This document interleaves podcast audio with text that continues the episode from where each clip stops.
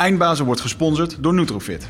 De webshop voor natuurlijke voedingssupplementen en trainingsmaterialen die je helpen bij het verkrijgen van Total Human Optimization. Nutrofit is hofleverancier van merken zoals Onnit, Natural Stacks en Bulletproof Coffee. Probeer onze producten zonder risico door onze money back guarantee. Bezoek ons op www.nutrofit.nl. Bestel je voor 9 uur 's avonds, dan zorgen wij dat jouw bestelling de volgende dag geleverd wordt.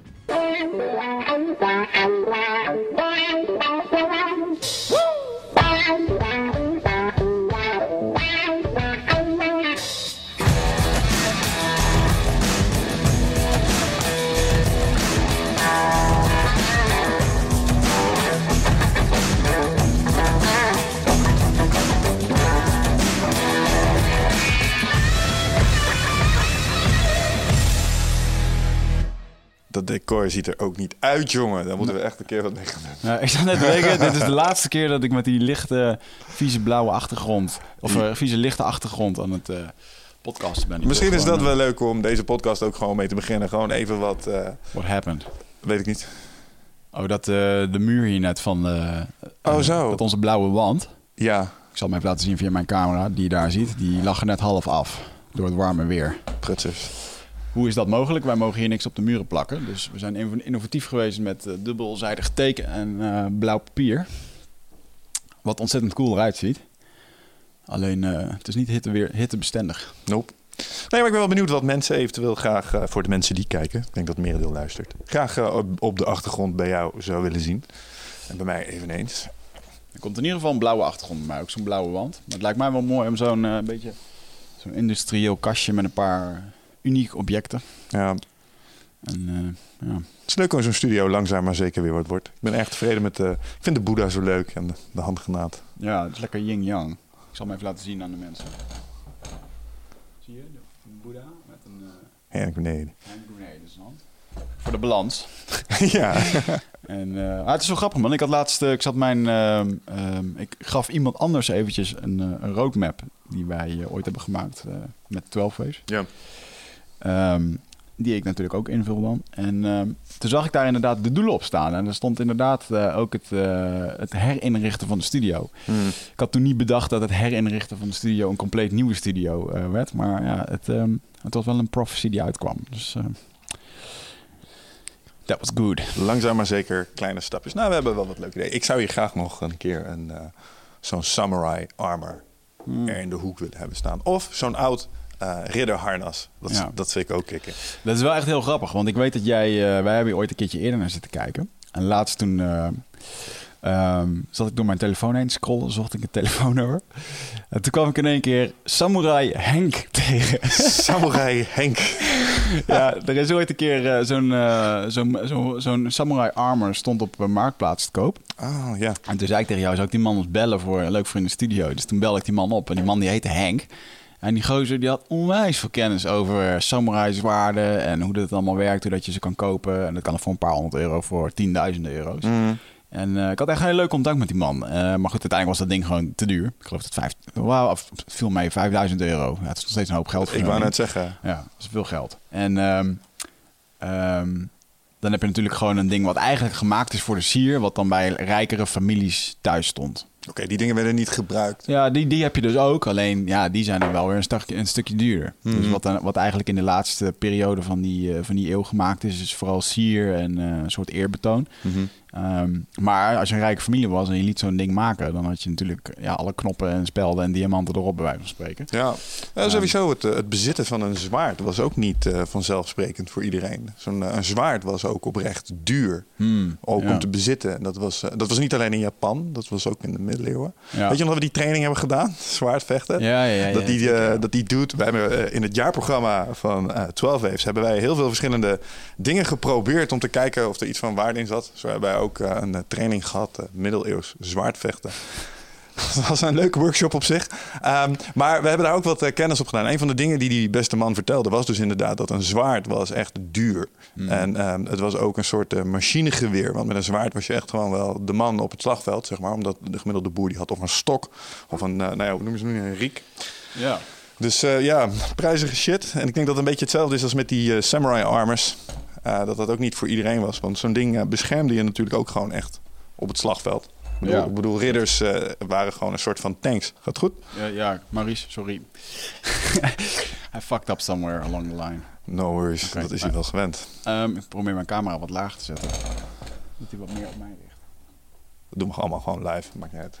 Ja. Je kan ook iets, je kan ook iets onderuit zakken. Of Ja. omhoog gaan zitten. En dan loop ik met een hernia de, lucht, de deur uit hier.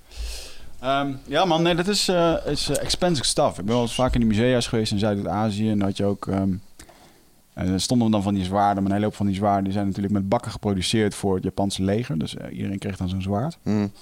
Ehm, maar je hebt ook de echte handgesmeden. Ja, dat is mooi, mooi vakwerk. Lijkt me nog wel leuk om daar eens een keertje Je hebt de hele Japan-specialist over uit te nodigen of zo. Documentaires over. Over het eh, smeden van een echte katana. En de technologie die daarbij komt kijken. En dat soort dingen. Want Dat is meer als een stuk ijzer in wat vuur gooien. Dat eh, gaat met allerlei tempo. Het is echt een science. Ja, dat geloof ik Dat wel. ja. doen ze meerdere keren slaan en dat Ja. soort dingen. Jij was vroeger helemaal, eh, misschien nog steeds wel, fascinated by samurai. Ja, Weet ik nog wel. ik heb op een gegeven moment boeken, heel veel boeken besteld, heel veel op ingelezen inderdaad. En ja, ik vond het fascinerend man. Ehm, hoe dat die mensen leefden en eh, ook de, de rollen die die samurais hadden. Hè, met een meester en met al dat eer erbij. Mhm. eh, op het slagveld bepaalde eer eh, hebben. En op een gegeven moment ehm, kregen samurais ook betaald om andere samurais te doden. Mhm. Maar goed, dan kon je gewoon zeggen dat je bijvoorbeeld iemand had gedood, had niemand dat bewijs. Dus op een gegeven moment begon men te onthoofden nadat men gedoofd was, gedood was. En ehm, ja, daar, ook daar gebeurden dan heel veel dingen in. Dat, eh, eh, dat mensen bijvoorbeeld een, eh, een helm vonden op het slagveld. Mhm. En dat ze daar een ander hoofd in deden. En dat ze dan, maar die helm die was van die ene samurai die bijvoorbeeld heel erg bekend was of gezocht was of wat dan ook. En daar kreeg men dan geld voor. Als je dan later, als, later kwam men er dan achter dat iemand de boel had bedrogen. En dan werd Ja. je gewoon genadeloos afgestraft. Jezus. Dus ja, dat zijn wel dingen die bijgebleven zijn uit die boeken, ja. Ja, ik weet nog dat eh, eh, met name in de managementsfeer zijn er een aantal zijn er erg populair. Een van de dingen is bijvoorbeeld eh, van Miyamoto Musashi, het boek Mhm. van de vijf ringen of vijf zwaarden, Ja. ik, of iets dergelijks. En ehm, hij was volgens mij ook een, ehm, zo'n samurai, een, een ronin. Dat waren dan op een gegeven moment meesterloze eh, samurai. En hij, ehm, en, dat is best wel grappig, hij stond met name bekend om zijn onorthodoxe stijl en strategieën. Zeg maar, het was heel gebruikelijk als je dan eh, duelleerde met eh, een andere samurai. Dan sprak je ergens af. Ja, je had geen klokje, maar dan was het om... eh, s ochtends bij de, bij de grote boom in de wei, weet je wel. Mhm. Nou, dan spraken ze af en dan liet hij die gasten komen opdagen. Maar dan was hij er zelf al een uur van tevoren. Ging hij in de boom zitten. Ging hij zitten wachten. En zelfs als ze er waren, liet hij ze wachten. Uren, uren wachten, zeg maar. Totdat die gast op een gegeven moment helemaal gefrustreerd was. Weggaat. En net op dat moment sprong hij dan uit de boom. En ging hij in één keer vol in de aanval. Gewoon eh, de element of surprise, frustratie ingooien. Gewoon om zijn Ja, tegenstander ja, ja. compleet uit de balans te gooien, zeg maar. En volgens de traditionele samurai was dat echt eerloos en dat soort dingen. Maar hij had echt lak.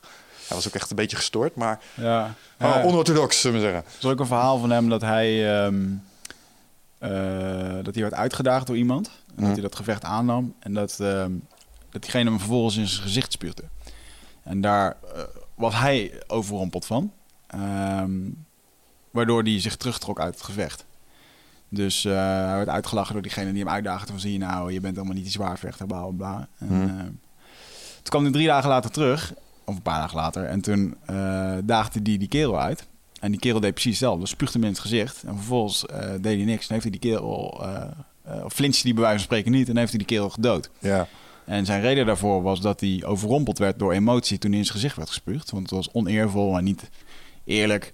Ehm, waardoor zijn eh, emotie overnam. Waardoor hij boos werd, gefrustreerd. En daarom besloot hij om niet te gaan vechten. ja, dat is een slechte manier om... Ja, Ja. precies. Dus de tra- strategieën die hij zelf hanteert... Ja, Ja, daar wil hij zelfs niet aan ten prooi vallen, zeg maar. nee. Dus eh, ik vond het, ik vond het hoor, die, die periode daar in dat Japan sowieso, of in, in die contrai sowieso, het, het concept eer en gezichtsverlies. Ja, een van de meest ja, fascinerende dingen Hmm. die ik daar altijd met een soort afschuw en tegelijkertijd fascinatie bekeken is seppuku, zeg maar, of harakiri. Ja. Dus op het moment dat je zo'n zoveel schaamte voelt, dat het gewoon beter is om zelfmoord te plegen. Niet alleen voor jou, maar ook voor je nabestaanden en dat soort dingen. Ja.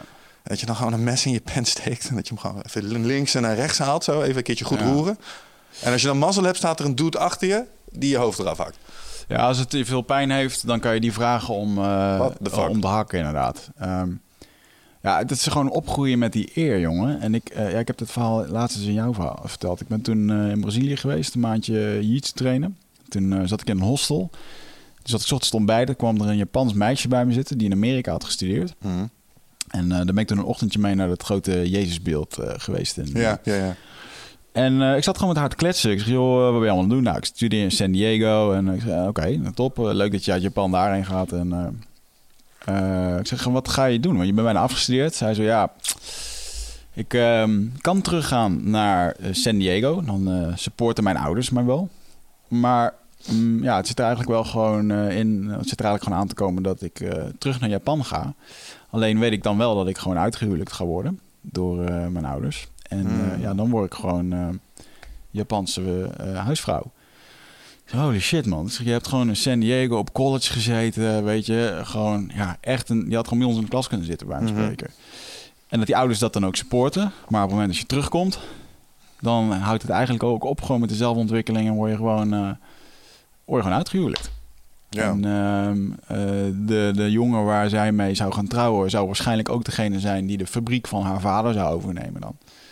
Holy shit man. Ik zeg, en hoe voel je daarbij dan? Voel je dan niet een bepaalde dwang? Zei ze, joh, ik, eh, ja, ik wil dit eigenlijk niet.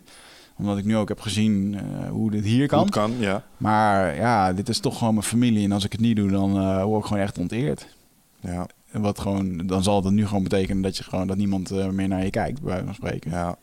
Maar dat is heftig, man. Ja, en het klinkt dan zo, eh, zo makkelijk om dan te zeggen... oh, dan moet je niet pikken en eh, je moet voor jezelf... Maar dat is zo Het gecompliceerd. zit zo embedded, jongen, in die familie. En eh, moet je je voorstellen dat jij nu in één keer de keuze moet maken. Anders dan laat je familie gewoon in één keer pap links liggen. Omdat je ze onteerd hebt. En oh, er komt een hoop schuldgevoel en trots. En ja, dus het is very complicated, man.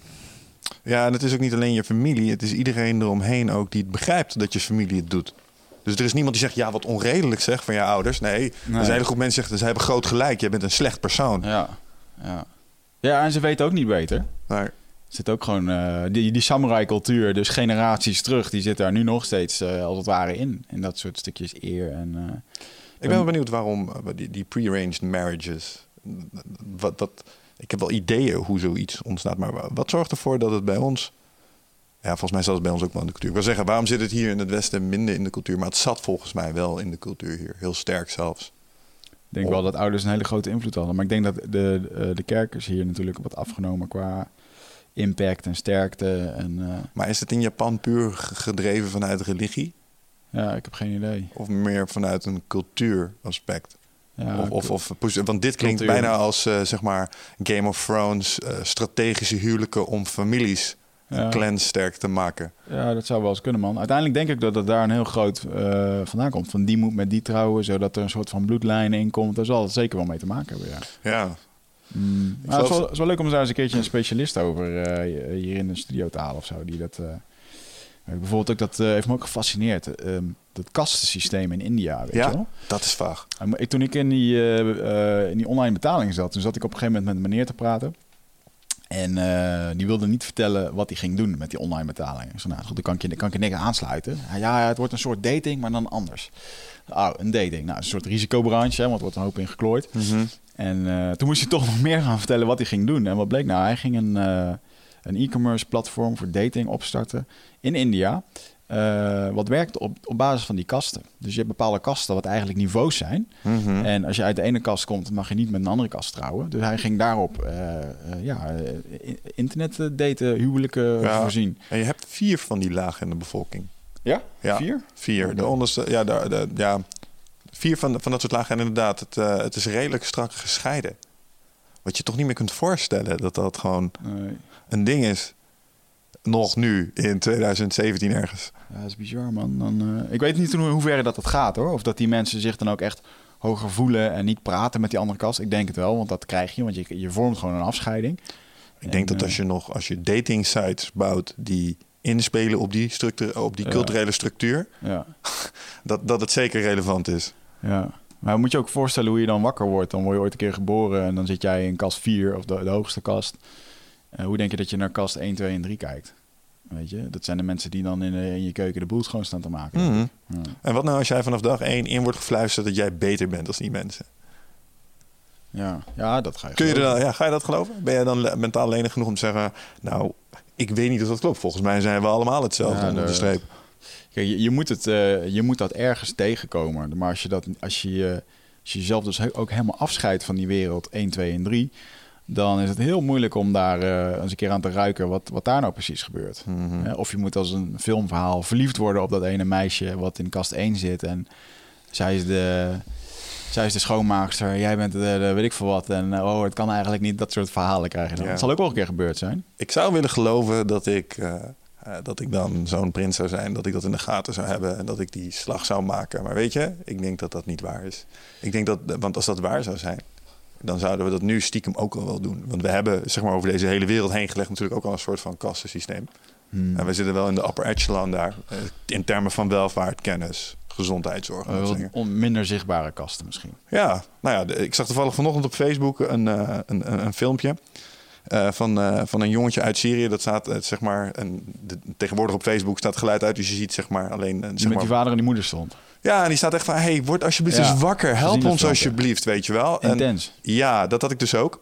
En ehm, dat ik ook denk van ja, maar, maar lieve jongen, wat wil je nou precies dat ik doe dan? Weet je, wel, ik zou niet weten waar ik moet beginnen. Ehm, maar dat is ook lekker makkelijk denken enerzijds. Want ja, ik heb het goed. En hey, weet je, het is, ja, het is de derde wereld een beetje, weet je wel. En dat, ja, je bent opgevoed dat in Afrika gaat het toch altijd kut. Dus weet je wel. Ja, ja, ja. Dus ik denk niet dat als, als zou het in India zijn en je zou Aladdin zijn, eh, dat je dan wel ineens anders zou handelen. Want ja, we doen het nu ook niet echt. Nee. Ja. Ah, ik ben ook heel erg benieuwd. Als je stel nou dat je kast 1 bent, maar je hebt in één keer een onwijze stootgeld. Want, ehm know, weet ik veel. Je, je krijgt in één keer, er zit een bedrijf op je, je wordt in één keer heel erg machtig. Ben je Hmm. dan ook in de positie om bijvoorbeeld eh, zo'n kastniveau te kopen? Dat je in een hogere kast komt? Weet niet. Of, Ik denk dat je, ja, in India misschien, op de wereld. Kijk naar jongens als, eh, jongens, mannen als Bill Gates. Wat zij doen. Die hebben, een, die hebben een klein, de, zeg maar, het BNP van een klein land tot hun beschikking. En die zetten dat wel degelijk in om verandering Ja. teweeg te brengen in, in de moeilijkere gebieden. Zoals bijvoorbeeld, hij zegt op een kruistocht tegen malaria. ja. Dat zegt zijn ding, daar pompt hij echt fucking veel geld in. ja. Om dat te bestrijden. En met name om mensen te helpen die geen medicijnen en bescherming hebben tegen malaria. Dus ja, ja die, die kans is er zeker. Alleen ik denk dat je ehm nou, één probleem tegelijk, zoals hij doet. Hij, hij pakt malaria heel doelgericht aan. Hmm. En ik weet niet wat voor, een, eh, wat voor grote projecten eh, hele rijke mensen nu nog meer aan doen zijn. Ik geloof dat El- Elon Musk ook een soortgelijke projecten heeft lopen. ja. Meer op onderwijs gericht, als ik me niet vergis. Ja, ja interessant. Hey, over malaria gesproken. Ik dacht bijna dat ik het had, jongen. Ja, In januari. Ik eh, merkte dat ik echt fucking moe aan het worden was. Ik voelde me niet lekker. Het was ergens in januari, december al. En eh, eind december begon dat een beetje. En eh, begin februari, eh, toen kon ik helemaal niks meer. En toen had ik ook echt koorts, zweetaanvallen en pijn aan mijn lever en mijn mild. Fuck, jongen. Dat was echt eh, bizar. Dus ik, eh, dan ga je kijken op Dr. Google. ja, dat is echt een slecht idee trouwens. Opgezwollen mild of lever. En het eerste wat ik tegenkwam was malaria. En ik kom natuurlijk Oh. net eh, twee of drie maanden uit, uit die jungle. Ja, dat, nou, AIDS komt hier ook nog bij. Mooi verhaal.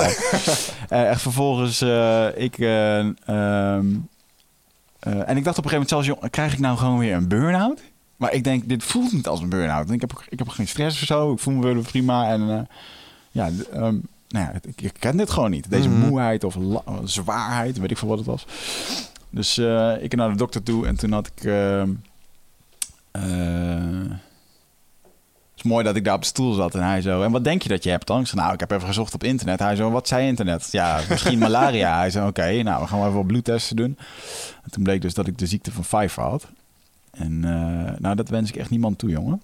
Ehm, en dan, eh, dan ga je op internet lezen hoe lang duurt dat. Nou, twee tot zes weken. Dus ik had me daar al helemaal op ingesteld. Nou, dit doen we wel even zes weken. En ehm, nou, dit, eh, ik durf nu te zeggen dat ik op 90% weer zit. Hmm. En ik kon echt geen vijf minuten hardlopen of doen. Of eh, continu dat moe gevoel. Jongen, ik denk dat het nooit meer overgaat. Wat is uh, Pfeiffer precies? Het is een herpesvirus wat je krijgt via slijmoverdracht. Ehm, ja, dat kan je echt heel simpel krijgen via een glas of weet ik veel wat. Als iemand een keer niest. Of, Mhm. eh, dus het is super besmettelijk. Mits je immuunsysteem eh, erg laag is. En waar ik denk dat ik het heb opgelopen is dat ik uit de jungle kwam, 12 kilo kwijt was geraakt. Eh, ik was wel aan het herstellen in november, december, ja. Ja. Ik denk dat ik het daar ergens... daar heb ik ook wel de eerste symptomen gehad dat ik dat toen ehm, eh, heb gehad. En, ehm, en wat me ook wel wat ook wel eens zou kunnen is dat ik heb toen een vliegtripje gehad naar Barcelona. Ben ik even een weekje geweest met Marieke. Wat natuurlijk gewoon besmettingsbron nummer één is zijn vliegtuigen. Ja, dat is eh, Airconditioning en dat soort dingen. En, eh, in alle films als Outbreak Ja. het daar altijd mis. ja. en die, eh hoe heet nou? Steve Maxwell, die zei dat ook, hè? Dat het echt eh een bacterieënveroorzaker nummer één is. Ja, Of verspreider nummer Tuurlijk. één is. En toen ging ik, eh, op een gegeven moment, jongen, na twee maanden, ik voelde me nog steeds gewoon precies hetzelfde. En het schoot gewoon niet op. En daar word je echt, eh, het feit dat je wel wil, maar niet kan. Nou, dat is echt, eh, ja, ik heb dat wel ervaren, ja. Dus ik, eh, ik zat wel vaak naar bijvoorbeeld naar mijn ex-vriendinnetje die dan een auto-immuunziekte had, zat ik wel eens te kijken van, Mhm. oh man, kom op, weet je wel. En nu heb ik het gewoon zelf ervaren, dus eh, sorry. I apologize. En toen- maar toen ging ik terug en even terugkomen. Het was mooi. Toen ging ik terug. Ik zeg, joh, ik heb het nog steeds. En ik ben twee maanden verder. En het gaat nog steeds niet goed. En eh, hij is oké. Eh, hij zegt, nou, voordat we verder gaan zoeken naar tropische ziektes, wat ook al kan, ehm, gaan we eerst dit zeker uitsluiten. Zeker uitsluiten dat het eh, wel of geen vijver is, of dat het echt vijver is. Hij zegt, ik denk namelijk dat het vijver is en dat jij gewoon de pech hebt dat het langer duurt. Het kan Mhm. soms, bij sommige mensen duurt het zes maanden of zelfs jaren. Ja. En ehm, hij zegt dus we gaan nu als eerste uitsluiten dat dit het echt is. Dus je gaat zo meteen eventjes naar, eh, we gaan even wat bloed, bloed prikken en je krijgt zo meteen even een HIV-test. Sorry? Hij zei, ja, want eh, je lever, dat is een van de dingen die als eerste in de knoop gaat bijna als je HIV hebt. En eh, dat willen wij even uitsluiten, want we willen zeker weten dat je Pfizer hebt. Ja. En ik, ik wist toch heel erg zeker dat ik geen HIV had. Maar toch ging ik daar een soort van... Zit je daar op die stoel en dan moet je... Dan hebben ze dus een... ehm, eh, gewoon een soort pakketje wat ze openscheuren... alsof het gewoon een of andere koek uit een verpakking is. En eh, gewoon zo'n sneltest. En dan prikken ze bloed uit je vinger. En dan eh, zit je samen met, zo'n, eh, met die dokterassistenten. Als het één stipje wordt, dan is het goed. En als het twee stipjes is, dan is het niet goed. En dan zit je echt gewoon met z'n tweeën... drie minuten, drie, drie langste minuten van mijn leven zit je te kijken... naar dat dingetje totdat er één stip kwam. En oh, ik, wist, ik wist zeker dat ik het niet had, weet je wel. Maar het is toch... ja, dan ga je toch in één keer weten. Wat, dat, wat als? Ja. Hmm. Ik vind het knap dat ze dat kunnen zo snel. Ik denk dat dat ook goed is. Ik denk dat dat, ehm, eh, zeker als je kijkt naar jouw, eh, eh, naar jouw langdurige herstel, denk ik dat een van de factoren ook is geweest dat je je juist zo zat op te vreten over het feit dat je niet kon. Ik bedoel, ik maak je natuurlijk dagelijks mee. Hmm. En dan proef je de frustratie. En als je even kijkt naar eh burn-outs en dat soort dingen, dan weet ik één ding: deze meneer is cortisol aan het genereren nu. Ja. En dat gaat alles eh, behalve dan bijdragen aan, aan zijn algehele herstel nu. Mm. En zeker, ehm daar hebben we het eerder over gehad, in het wachten van het op de uitslag van zo'n test. Stel je voor dat je hier twee weken op had moeten wachten. Ja, ja, ja, ja. ja. Dat had ook wat cortisol gegenereerd, denk ik. Ja. Had je niet geholpen bij herstel. Ik, vond het, ik vond het ook heel erg fijn toen ik te horen kreeg dat ik vijf had. Want dan weet je tenminste wat je hebt. En dan kun je aan de slag. En uh, oh, oké, dat is het. Oh, rust. Hoef ik niet uh, de hele tijd uh, mezelf groot voor te doen en anderen dat het wel oké okay gaat. Of kun je gewoon Mm. even zes weken ziek zijn, weet je wel. Mm. En dat is het ding wat ik lastig vind. Ja, man. Ja, helaas menselijk. Nog niet onsterfelijk. Nee, nee. nee er is ook niks tegen te doen. En overigens, uh, 90% van de volwassenen die heeft het. Echt waar? Na zijn 35ste. Uh, maar vaak weten mensen dus niet eens dat ze het hebben gehad. Dus je kunt het ook uh, een keer een griepje hebben gehad. En dat je drie weken een keer moe bent geweest. En dan, uh, dus mijn man, dus niks aparts. Ja, het bewijst weer hè, het belang eh, van het intact houden en het uh, up running houden van je immuunsysteem. Ja. Rust. En ja, je, jij hebt natuurlijk alles eh, in die jungle gedaan wat je niet moet doen om je immuunsysteem eh, intact te houden. Ja. Namelijk eh, allerlei moeilijk eten, weinig eten, eh, waarschijnlijk slecht slapen. Ook Ja. nog een voedselvergiftiging, weet je wel. Nou, dus dat, dat zal er ook een flinke deuk in geslagen hebben. Ja, ik denk ook echt een groot eh, proteïnetekort in die jungle. Geen Ja. vlees en zo. En eh, ik kan wel mijn aardappel eten wat je helemaal schoonmaakt. Maar dat is wel, eh, ja. Hij haalt veel energie uit, eh, uit vlees en dat soort dingen. En ik denk dat, ja, het is de makkelijkste manier om het binnen te krijgen. Om, om de boel eh, sterk te houden. Natuurlijk kun je Ja. wel veganistisch, vegetarisch eten en dat soort dingen. Maar zeker als je in moeilijke omstandigheden zit, kan je lichaam alles gebruiken, denk ik, eh, Ja. wat het kan binnenkrijgen. En zeker in de jungle zit je denk ik wel in moeilijke omstandigheden. Ja, ja. Ja, zeker als je niet alles mag eten. Normaal normaliter Mm. biedt het alles natuurlijk. Maar- Hey, maar inmiddels gaat het weer een stukje beter. Yes. We zijn weer lekker aan de weg aan het timmeren. Mhm. What's on your mind lately, man? Waar ben je, waar ben je druk mee? Mm, ik ben heel erg druk met mijn boek. Eh, mijn boek ga ik... eh, eh, ik ga komende dinsdag twee weken naar Portugal. Tien dagen eigenlijk. En dan ga ik daar tien dagen weer eventjes de eenzaamheid opzoeken. En gewoon lekker... mijn boek schrijven. Lekker. Weet je nog dat we ooit op... Uh, keek je nog op Facebook en dat soort dingen voor, voor Instagram. En dan keken we ook naar gasten en die waren een boeken... Die waren een weekje weg aan een boek aan het schrijven. Dat was ja, deze van ooit. Ja. Ooit. Ja. Nu ga je gewoon een week naar Portugal om lekker aan je boek te werken. Uh, toevallig dat dit idee mij heel erg triggerde door uh, eindbasengast Koert van Mensvoort. Die, ja. we zijn vriendjes op Facebook geworden en... Hij, ik zag in één keer een heel mooi uitzicht in Griekenland op de zee.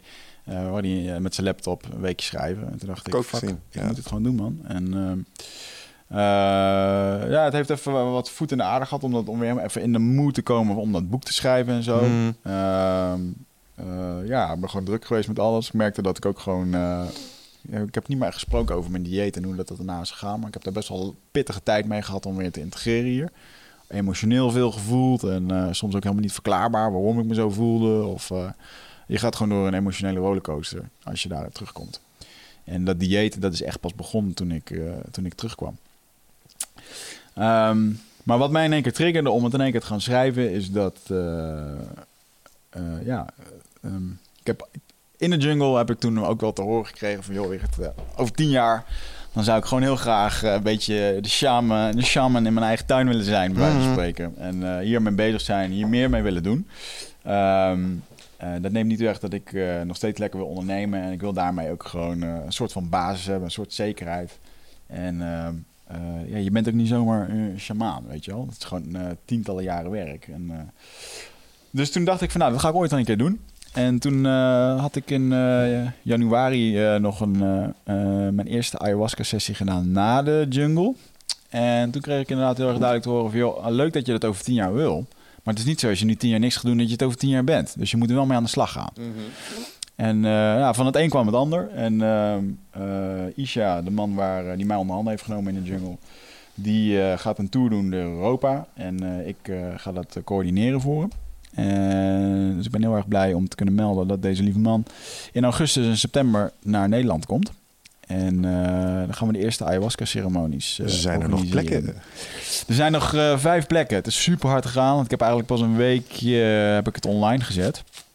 En op mijn persoonlijke pagina Wigert Meerman kan je dat vinden. En ja, dat gaat heel erg hard. Je kan daar nog steeds even kijken en kijken of dat er aanmeldingen zijn. Er zullen ook nog misschien wel wat mensen uitvallen en zo. Maar dit gaat wel heel hard. het gaat om 25, 26 24, 25 en 26 augustus volgens mij, dat weekend. Vrijdag tot en met zondag. 1, 2 en 3 september. Ja, en dat is wel de kans om een keertje een uh, traditionele uh, ayahuasca-ceremonie mee te ja, Wat mogen mensen daarvan verwachten? Het is, uh, ik bedoel, ik heb natuurlijk twee ceremonies gezien.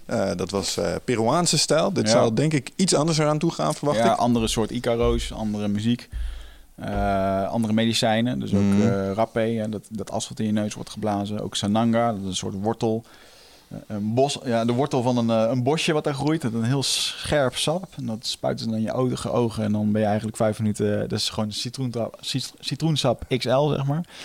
En daardoor krijg je beter zicht. En uh, werkt ook heel erg goed tegen mentale ziektes en zo. Heftig. Dat is de uh, gedachte daarachter. Ja. En natuurlijk ook gewoon brew. En brew, man. Brew, ja. De ayahuasca brew. En uh, ik heb een super mooie locatie gevonden in, in Nederland. En wat ik heel erg fijn vind... Uh, in, in Drenthe is het overigens. De locatie wordt bekendgemaakt aan de mensen die, uh, die zich uiteindelijk hebben ingeschreven. Je bent ook verplicht om drie dagen mee te doen. Mm -hmm. uh, dat doe ik A, omdat ik het gewoon met één groep wil doorstaan. En B, omdat ik denk dat, dat je best meerdere dagen nodig kan hebben om ja, voor dat stukje diepere heling. Volgens mij zei Gino de magic number is free. Ja, ja. dat denk ik ook wel, ja. Um, ja, dus dat is in ieder geval wel heel erg cool om dat zo te doen. Ik ben ook heel erg blij dat ik het op mijn manier nu kan doen. En het eigenlijk gewoon uh, als een bedrijf kan benaderen. Dus dat dit gewoon wat professioneler wordt neergezet. Mm. Uh, goede locatie, goed eten, de juiste begeleiding erbij. En uh, ja, daar heb ik wel veel lol in om wat te doen. Ik ben ook blij dat het zo snel gaat. En dat is voor mij ook een teken van... oké okay man, dit, uh, dit moest zo zijn. Ja. Wat zit, er in, wat zit er voor mensen die dit overwegen in termen van voorbereiding aan vast? Want dit is natuurlijk niet iets... oh, het is dat weekend mooi. en dat je dan gewoon... Ja. Opkomt dagen en dat het allemaal wel goed gaat? Je moet natuurlijk een intentie hebben. Daar begint het mee. En uh, jezelf goed inlezen over waarom je dit wil doen. En ik heb bijvoorbeeld heel veel aanvragen gekregen al van mensen die zeggen: um, Ik wil dit graag doen, Mhm. mm. maar is er wel goede begeleiding? Want vorige keer heb ik dit of dat ervaren. Mhm. En dan gaan we een beetje teruggraven waar iedereen is geweest. En meerdere mensen, joh, ja, bij verschillende aanbieders eh, in Nederland, waar men dan zei van ja, ik had gewoon het idee dat die mevrouw niet de, eh, de ruimte kon houden, de, de energie of net hoe je dat wil noemen. Kijk, en je weet niet of dat echt zo is. Hè? Je weet ook niet of dat, dat niet gewoon de perceptie is van die persoon die in een soort van angst kwam en denkt: Oh, maar ik ben hier niet veilig. Ik, eh, ik denk dat zij het niet kan doen, dus ik ben onveilig. Als dat in je hoofd gaat zitten, dan is dat wat je op dat moment ervaart. Mhm.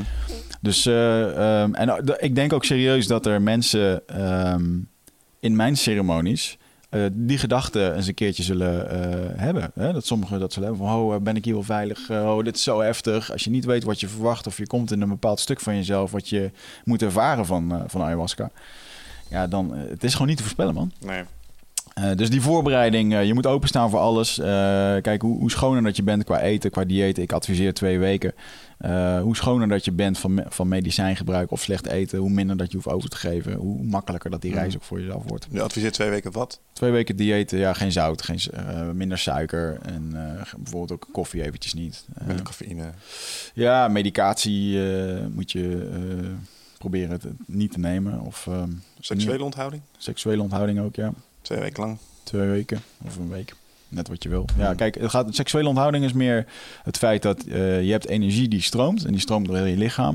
Op het moment dat je een keertje seks hebt en je komt klaar, dan uh, verbreek je die energie. Want al die energie gaat naar dat punt. Ja, ja. Je wil die energie in je houden. Dat is eigenlijk je levensenergie. En op het moment dat je dat dus uh, ja, weggeeft op die manier, dan, dan kan het medicijn minder goed door je lichaam heen stromen. Dat is daar de gedachte van. Ja. Dus uh, ja man, daar heb ik heel veel zin in eigenlijk. En uh, jij bent er ook, jij gaat uh, helpen. Ik ga helpen. Ik ga dweilen. ja, dweilen en mensen oprapen. Nou ja, als, je, als je zelf meedoet, als jij meedoet, dan zit ik natuurlijk als eerst naast jou als dat gaat zoals dat altijd gaat. Dan ga je gewoon lekker als eerste over je nek. En dan ja, ik ben benieuwd hoe dat het nu gaat. Ik, ik heb wel een heel vet ding. En de mensen die naar mijn lezing zijn geweest... en natuurlijk ook de podcastluisteraars... die weten dat ik nogal een dingetje met een tooi heb gehad in de jungle. Ja. en uh, die tooi die is ondertussen gesignaleerd in Rio de Janeiro. Dus die is uh, on my way. Ooit komt hij in Nederland ja, aan. Ja, hier ben ik... Ja, jongen, hier heb, ik, hier heb ik zelfs nog stress over gehad van... en dat is ook een van de dingen mijn dieet. Hè, dit soort dingen loslaten en vertrouwen dat het al goed komt. Uh, dit gaat een hoofdstuk in mijn boek worden, die tooi. ik voorspel jou, voor jouw eerste ceremonie, waarschijnlijk op de dag van de ceremonie zelf, komt dat ding aan. Uh, nee, want ik zie Isha al in uh, Ibiza. Maar hij neemt hem voor je mee? Hij heeft hem meegenomen, ja. Ik zie... Hey, jij, jij vertrouwt hier wel op het organisatorische talent van een aantal van die Indianen, hè? Ja, zeker. Zijn, zijn het geen helden in? Nee, uh, zeker. Zeker in dit geval. Want als jij met dat ding over de grens zou gaan, zou je af, opgepakt worden, zou die afgepakt worden. Ah. Maar uh, mensen die van, uh, vanuit indigenous achtergrond komen, die mogen met, met botten rondreizen, met veren, met, die hebben daar andere Machetten, speren, ja. pijlenbogen. kikkergif. Dat zeker. He gets a free pass. En, uh, dus nee man, ik ga hem lekker in Ibiza ophalen. Daar gaat hij naar een shamanenfestival. En we doen dit met heel veel mensen hè, door Europa, dat we dit organiseren. Het zijn mensen die dit doen. Uh, vanaf daar breng ik hem naar Frankfurt. Dan gaan we drie dagen ceremonies doen. Dan blijft hij daar nog een tijdje. Dan vliegt hij naar Finland. Van Finland vliegt hij naar Nederland. En uh, ja, dan gaat hij weer terug. Dit is vast een rare vraag en voel je vrij om, te, om deze niet te beantwoorden. Maar hoe komen deze mensen voor al hun ceremonies aan hun ayahuasca? Dat neem je vast niet mee in je koffer, bedenk ik me net, nu we het daar zo over hadden. Nee, mag, mag inderdaad niet. Uh, vaak komt dat van lokale Santo Daime kerken of mensen ah. die het zelf maken. Ja, ja. Uh, nou, ik heb natuurlijk ondertussen zelf ook wel wat contacten. Mm. het kan ook opgestuurd worden vanuit Brazilië. Ah. Dan zit er een risico aan natuurlijk. Dat er, ja, het, ik heb geen idee hoe dat dan werkt. Ehm, wat bijvoorbeeld zou kunnen en waar ik nu zelf een beetje aan zit te denken, zou een manier zijn. Uh, de Santo Daime mag dit gebruiken. Ja. Dat ik uh, misschien contact ga zoeken met de Santo Daime. En uh, dat ik daar eens ga vragen van joh, om door middel van een relatie op te bouwen of wat dan ook. Dat je dan kan zeggen van joh, mag het naar jullie toegestuurd worden? Maar als je nou een stapje verder denkt, waarom mag Santo Daime, mag, waarom mogen zij dit? zij, zijn het, vanuit een, zij doen het vanuit een religio religieus oogpunt. Bingo. Weet je dat Jediisme een geloof is? Je, Mhm. je, kan als religie, je kan als religie anything you want to Ah. kun je zijn. En misschien kun jij dezelfde status wel verkrijgen. Nou, shamanisme mag je ook als een uh, religie uh, Well, neerzetten. Kan, kan hier Ja. zelf niet brouwen, gewoon op locatie? Ehm, ja, dat kan ook. Dat is hetgeen wat nu eh, de planning is. Ik ken iemand die dit doet. Die heeft zelf de verse bladeren en de dingen uit de jungle meegenomen. Mooi, ja, gaaf. Dat is niet iets wat je via internet wil bestellen, want dat is vaak allemaal te bewerkt of niet goed. Of, ehm, en dan gaan we dat zelf doen. En dan, dan is dat dus ook een proces waarbij, eh, ja, als je dat maakt, dan zit je te zingen en te doen. En dan je doet je, je Ja. prayers. En ja, dat, dat is dagen werk. zou wel gaaf zijn. Ik weet nog dat een van de nou, desillusies wil ik het niet noemen, maar even van, oh ja, dit moet ook gewoon geregeld worden. Ehm, eye-openers in mijn ceremonie was dat ik eh, Don José gewoon een cola fles, zeg maar, zeg maar wat plastic vanaf zou halen. Zo van, ja, dit mocht niet lekken. Ja. En ja, dit wordt hier niet in een of ander keteltje gebrouwen hier ter plekke of Nee, zo. nee, dat kan dus wel. En ik, eh, die optie had ik ook. Eh, want ik had dus de, de en de capi-plant had ik tot mijn beschikking. Ehm, alleen om het te maken moeten we een hele grote pan hebben. Zo'n grote pan die je in een gevangenis ziet waar ze eten in koken. Zo'n Obelixpan. Een groot, groot vuur. Ja, eigenlijk, ketel. Ja, ja, Ja, het is gewoon, dat is man. Gewoon toverdrang Ja, ja. weet je? Dus ik ben ook in die pot gevallen in eh, Brazilië. en ehm, ehm, that's where I got my superpowers. Ehm, zit jij eh, vaak in je hoofd? Eh, neem je heel veel informatie tot je video's, podcast, boeken? Eh, nou, voel je niet schuldig, dat doen heel veel mensen natuurlijk. Hè, maar vaak zijn we op zoek naar antwoorden. Ehm, gaan we nog meer informatie tot ons nemen. Terwijl ja, de antwoorden liggen toch echt in onszelf. En dat is iets wat we voelen met ons lichaam. Maar vaak zijn we zo erg in ons hoofd bezig ja, dat we dat ook niet meer, dat we daar niet meer echt goed bij kunnen. En dat is graag waar ik je voor uit wil nodigen. Voor Rite of Passage. 24, 25 en 26 mei is er weer een nieuwe editie. Voor mijn retreat voor persoonlijke ontwikkeling. Waarbij het thema echt is om uit het hoofd te komen in dat lichaam. Want dat is waar je alles ervaart. En ik wil dat je gewoon weer in contact komt met, met die, die intuïtie. Ehm, en dan gewoon een heel sterk eh, innerlijk kompas. Dat je gewoon weer weet waar je naartoe moet, wat je te doen staat. En dat je gewoon weer helderheid hebt over wat je wilt en hoe dat je dat gaat doen. En dat doen we middels eh, bio-energetische oefeningen, dynamische meditaties, een stuk shamanisme zit erin. Het enige wat er bekend is van het programma is dat er een zweethut in zit. Eh, en natuurlijk gewoon hands-on persoonlijk leiderschap. En dit retreat krijgt een 9,2 gemiddelde van meer dan 331 deelnemers. Daar ben ik ontzettend trots op. Sterker nog, er is ook een money back guarantee. Vind je niks na drie dagen, krijg je gewoon je geld terug. Dus het enige risico dat je loopt, is dat je gelukkiger wordt. Klinkt dit als iets voor jou en durf je het aan? Dan zie ik je op Ride of Passage. Ga naar wichertmeerman.nl en klik op Retreat. Eh, ja, dus dat, eh, maar dat, dat, dat duurt gewoon drie tot vier dagen. Wil je dit goed kunnen maken? En joh, Mhm. dan is het gewoon te kort. En ik wil met Isha waarschijnlijk nog iets op de bewustzijnsrol gaan doen. Dat hij daar lekker kan vertellen over de jungle. Kunnen mensen heen komen.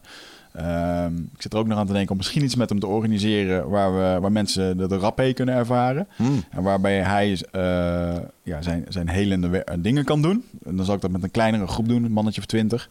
Eh wordt geen ayahuasca, is gewoon in de avond. En ja joh, dat, ik, heb al, ik heb al meerdere mensen nu eh, onderuit gehaald met die uh, rapé. Het is toch wel heftig eh. Hij heeft een ding thuis, jongen. Het is, zo'n, eh, het is een soort blaaspijp in een U-vorm. Die je in je eigen neus kan eh, Mm. Ja. inbrengen. En dan propt hij dan... Die gaat dat gaat zo recht je neus in. Hoe- Een, eh, hoe heet dat nog? Een urike heet dat volgens mij. Ehm, ik, kan het even niet opzoeken. Ik ben even de naam kwijt wat het... eh, Ja. En het gezicht dat hij na de tijd trekt is echt onbeschrijfelijk. Ja, het brandt, het trekt. eh, maar je krijgt er wel inzicht van. En het, eh, ja, ik heb er al mooie reizen mee kunnen maken. Dus, eh, Zei hij met een en- grijns. Ik sla- en ik slaap er ook lekker op. Is dat dus, zo? Ja. Huh. Hmm. Wanneer neem je dit typisch dan? Voor het slapen gaan? Ja, soms doe ik dit wel eens met Marieke. Doen we dit s'avonds. Voor het slapen gaan, doen we het samen. En dan zet je gewoon even een intentie of een vraag die je hebt. Of, en dan, dan blaas je dat bij elkaar in. En dat is heel bijzonder, man. Dan, dan is er echt gewoon de eerste gedachten die binnenkomen. Die gaan gewoon over dat onderwerp. En het is echt alsof er een, eh, ja, weer, wederom een plant iets tegen je Ja. communiceert of zo. Ik vind het mooi. Ik, eh, ik denk dat dit, eh, wat, je, wat je daar doet, ehm, eigenlijk een soort next level biohacking is. Hmm. We hebben, we hebben het hier al een beetje over gehad. We hebben dit weekend eh, zijn we op een eh, roadtrip geweest eh, met z'n tweeën. Ter Schelling de gekste. Is Schelling de gekste. Nee, we moesten weer eventjes de horloges gelijk zetten. Mm. Ik denk dat het trouwens ook heeft bijgedragen aan het gevoel van even weer moeite hebben om de motivatie te vinden. Ja. als je een tijdje druk bent, dan worden sommige dingen ook troebel. Ja, zeker. En een van de mooiste dingen die we daar hebben gedaan is met z'n tweeën weer even gekeken wat we individueel willen bereiken en wat we ook samen willen bereiken. En daar hebben we weer een heel mooi plan voor gemaakt. En Ja. ja. dat geeft weer richting, man. En energie, dat merk ik zelf ook. Ik ook. Ja. En een van de dingetjes die we daar eh, onder andere hebben gedaan... die al een tijdje op de roadmap stonden... was ehm, een fenomeen dat eh, momenteel erg populair is in Silicon Valley. Misschien heb je er op LinkedIn wel iets voorbij over zien komen. Of op Jason andere Silva, Tim ja, Ferriss. Die, zijn allemaal helemaal bezig met eh, microdosen. En eh, toen ik daar laatst eens eh, over begon te lezen, toen kwam ik tot de conclusie dat dit iets is wat eh, jij en ik dus al blijkbaar al een tijdje doen. Ja. Allegedly. Allegedly. Ehm, want wat doen ze nu in eh, Silicon Valley? Ehm, de knappe koppen daar. In Silicon Valley, voor de mensen die niet weten, dat is het kloppende hart van IT-land. Daar worden alle mooie nieuwe dingen, zoals je smartphones en dat soort dingen, die worden daar bedacht en eh, geprogrammeerd en vervolgens over de wereld heen verspreid. En de knapste koppen der wereld, die eh, zijn daar begonnen met iets. Ehm, cafeïne was blijkbaar niet sterk genoeg meer. Want de meeste mensen die beginnen 's ochtends met een kopje cafeïne. Nou ja, waarom? Waarom, neem jij, waarom nam jij cafeïne? Ja, om wakker te blijven, hè? om eh, scherp te blijven. Een stukje focus, Ja. een stukje concentratie. Dat zijn wel de eigenschappen die eh, worden toegedicht aan eh, cafeïne. En nou, die boys die hadden zoiets van... maar wat nou als er ook iets is wat je kan nemen in de ochtend... wat je creatiever maakt? Of anders naar het oplossen van problemen laat kijken. Of bij moeilijke gesprekken empathischer laat Ja. zijn. Eh, dat geeft je een voordeel ten opzichte van de rest van de workforce. En het is daar allemaal zo cutting edge dat eh, any advantage, zeg maar, ten opzichte tussen al die start-ups van je competitors, dat is er weer één. Dus als jij briljante ideeën kunt krijgen, omdat je bijvoorbeeld 's ochtends vroeg begint met, nou ja, magic mushrooms, psilocybin. Er zijn eh, een grote groep mensen daar in Silicon Valley die daar 's ochtends gewoon beginnen met hele kleine beetjes magic mushroom eigenlijk. Ja. Net niet genoeg om, om er last van te hebben in de zin van dat je niet meer kunt autorijden of wat dan ook. Eh, maar genoeg om het effect te hebben om net even anders naar een moeilijk probleem te kijken, waardoor je tot een, een betere eh, en misschien wel creatievere oplossing komt. Ja.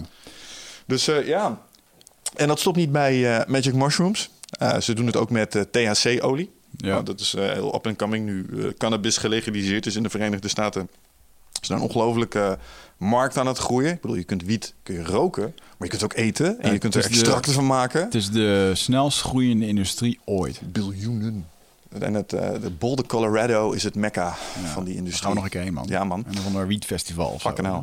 Ehm, maar dat wordt dus al, eh, dat wordt ook gebruikt door mensen. Bijvoorbeeld CBD, dat is tegenwoordig heel hip in eh, wellnessland. Dat is eigenlijk ook gewoon een hennepolie en dat helpt je met slapen. Ja, CBD eh, hoor ik wel van meer mensen die dat microdosen in de ochtend, omdat je daar niet het eh, trippy effect van krijgt. Ja. Het is wat meer, minder sederen volgens mij. Maar, of juist wat sederen voordat je wat creatiever zou worden. Ja, wat het, eh, hoe je het het beste kunnen omschrijven is als je te veel koffie hebt genomen, word je soms nog een beetje. Of Mhm. eh, als je een moeilijk praatje gaat doen of zo, dat je met je. mm, Beetje jittery effect. dat, eh, ja. En dat, dat, dat, dat onderdrukt het een beetje. Alsof je Ja, een soort warme deken overheen legt. Dat Mm. is op zich wel fijn. Ja, ik, ik vond het wel heel bijzonder dat eh, de microdosing zie natuurlijk dat Steve Jobs die nam LSD. er zijn wel van dat soort verhalen. Dat ze veel bekende koppen die dit doen. Ehm, want, en toen ik dat zat te lezen over microdosing in eerste instantie, dacht ik, ja, ik ga toch niet doen van die mini-druppeltjes LSD of dingetjes. Ik heb overigens nog steeds nooit LSD gedaan, maar LSD is echt een. eh, Zo, ja, dat er wordt ook veel gedaan nu als microdose. Ja. Maar LSD is een graag speel, jongen. Dat is, mis- dat is misschien wel echt wel iets Heb je het jou. gedaan? Nee. Ja, ik wil het wel ooit eens een keer proberen. Nou, de, maar de reden dat ik LSD zo fucking fascinerend vind, is omdat er echt een aantal hele interessante, hele belangrijke technologische doorbraken zijn gedaan, mede dankzij LSD. Ja. De DNA-structuur, en ik ben de naam van deze meneer even kwijt, die is bij elkaar getript. Ah, oké. Die meneer was aan het trip op LSD en toen zag hij de dubbele helix en toen snapte hij plots, dit is hoe dit werkt. Ah. Dit, is, eh, dit kun je Ja, verifiëren eh, online. dat dit is lachen. ik, ja. Dus, maar dat is ook eh, dat is een van die. eh, Ja. Maar toen eh, zat ik een beetje door te denken van oké, eh, eh, microdosing, hoe zou ik dit kunnen doen? En toen zag ik op een gegeven moment ehm, een artikel over eh, microdosing en dat dat bijvoorbeeld eh, dat je je je je, je, je, noem je het? je senses, je gevoeligheid, je, Mhm. eh, je, je zicht en je horen, het maakt het scherper. En toen zat ik te denken van ja, ik vind dit te gek man om dit te gaan doen. Om, eh, te gek in de zin van, er is niks voor mij ehm, om dit te doen tijdens je werk of eh, door de week. Of, en op een gegeven moment eh, ben ik toch met wat mensen in contact gekomen die daar ook ervaring mee hadden. En toen zat ik me één keer te bedenken. Ik heb toen in de jungle, heb ik 30 dagen achter een stuk, heb ik ayahuasca gedronken. Mhm. Als ik daar ayahuasca dronk om tien uur s avonds of ik ging tot vier uur s ochtends, vijf uur s ochtends was ik aan de slag. Nou, je weet hoe je hier in Nederland uit een ayahuasca sessie loopt. ja.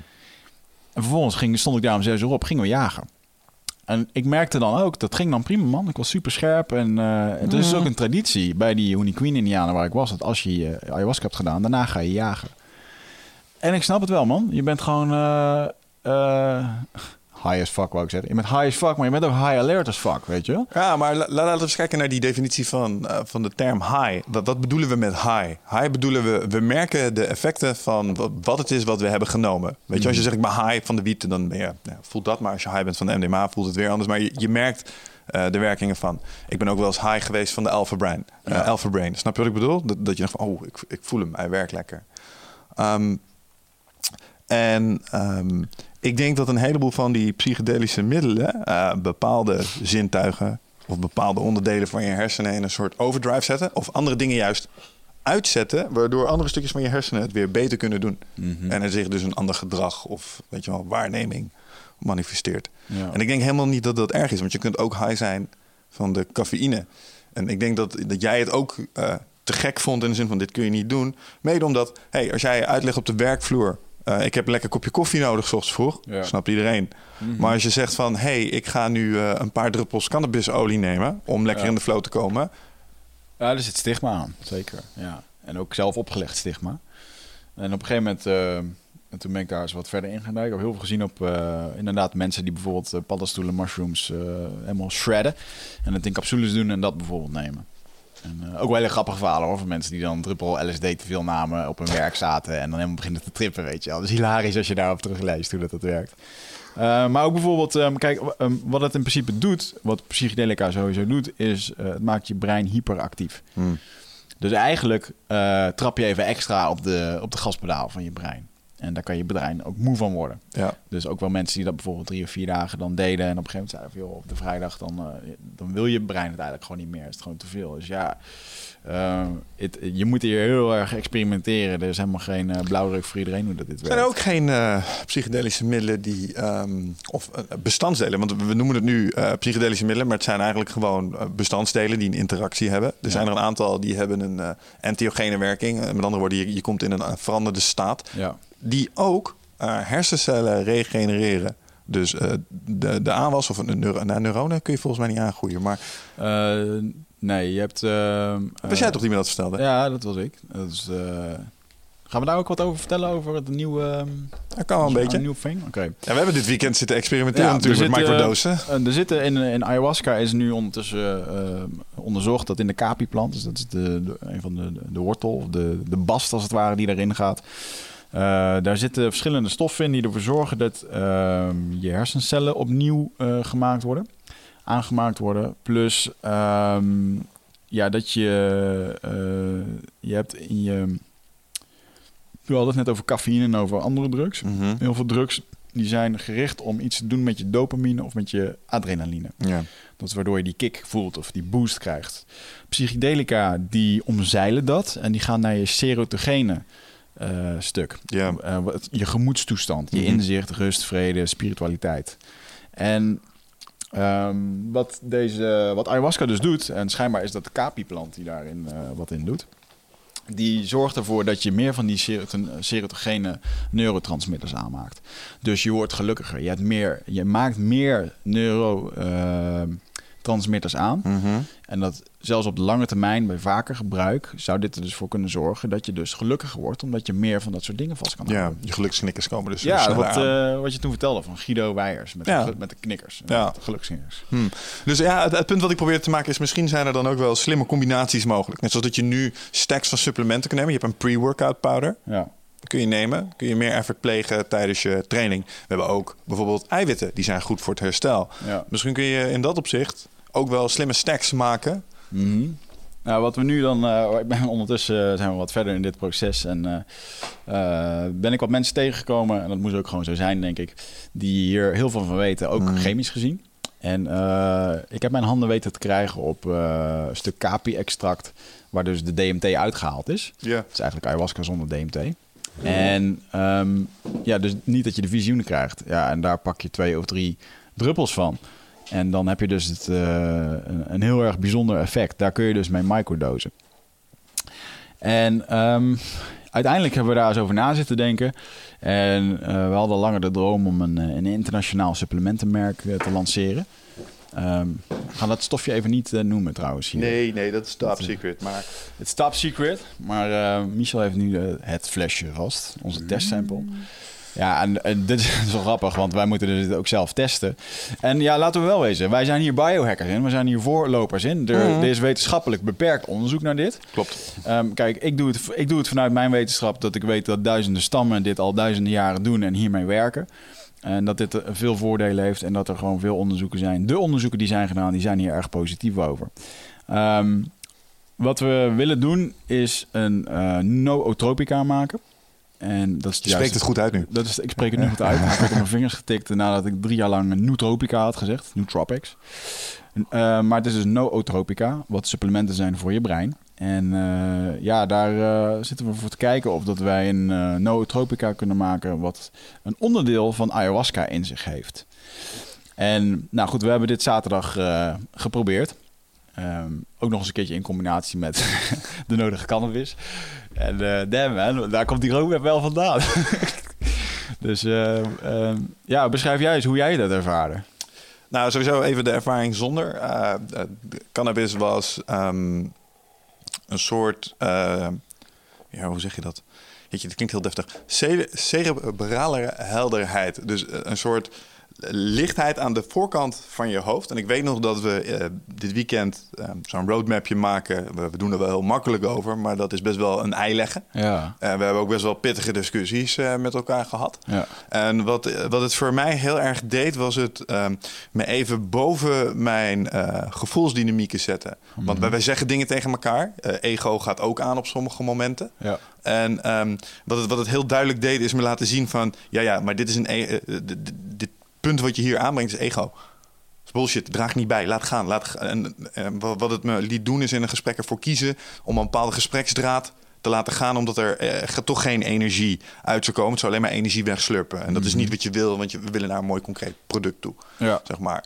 En eh, wat het heel... De, ja, het liet me daar heel grappig naar kijken zeg maar even iets meer op afstand. Want het was wel, ik weet nog, eh, deze meneer die rampte gewoon eh, eh, twee van die, eh, van die druppels in, best wel sterk. Ik denk, nou, ik doe dat iets, iets rustiger. Gewoon even een druppeltje op mijn vinger, ah, even onder mijn tong. En ehm, het was pretty instantaneous. En je voelde ook wel een kleine head rush Ja. in eerste instantie. Dus deze dosering moet niet straks in het uiteindelijke Nee. product, want dat is gewoon te sterk. Ja. Eh, maar je kon het echt heel goed merken. Het was echt noticeable. Ja. Dus eh, ja. Ja, ik vond het ook wel cool. En ik vind het wel mooi. We hebben echt een, eh, een kick-ass designer hiervoor. Hier zijn we eigenlijk al drie jaar mee bezig. Ja. Om zoiets te kunnen manifesteren. Maar we wisten nooit precies wat. En ehm, nu hebben we dan eh, ook de middelen. En we hadden altijd die droom van die ene designer. We kunnen dat doen. Dus daar hebben we op een gegeven moment nu de samenwerking mee aangegaan. Gewoon om dit te lanceren. En we hebben ook maar gewoon één kans om dit goed te doen. Maar als dit gaat lukken, dan zijn we de eerste nootropica die ehm, een, een product neer kunnen zetten wat een afgeleide is van ayahuasca. En eh, eh, de combi die we daarbij gaan maken, waarbij je bijvoorbeeld wat meer focus kan krijgen. Of, eh, nou, dat gaat wel gaat een bijzonder iets worden. Ja. ja, en dat is ook de route die ons nu voor ligt en waar we mee aan het testen zijn. Ik bedoel, nou ja, we combineerden het ook dit weekend met cannabis. We willen kijken wat het doet met THC, we willen kijken wat het doet met CBD.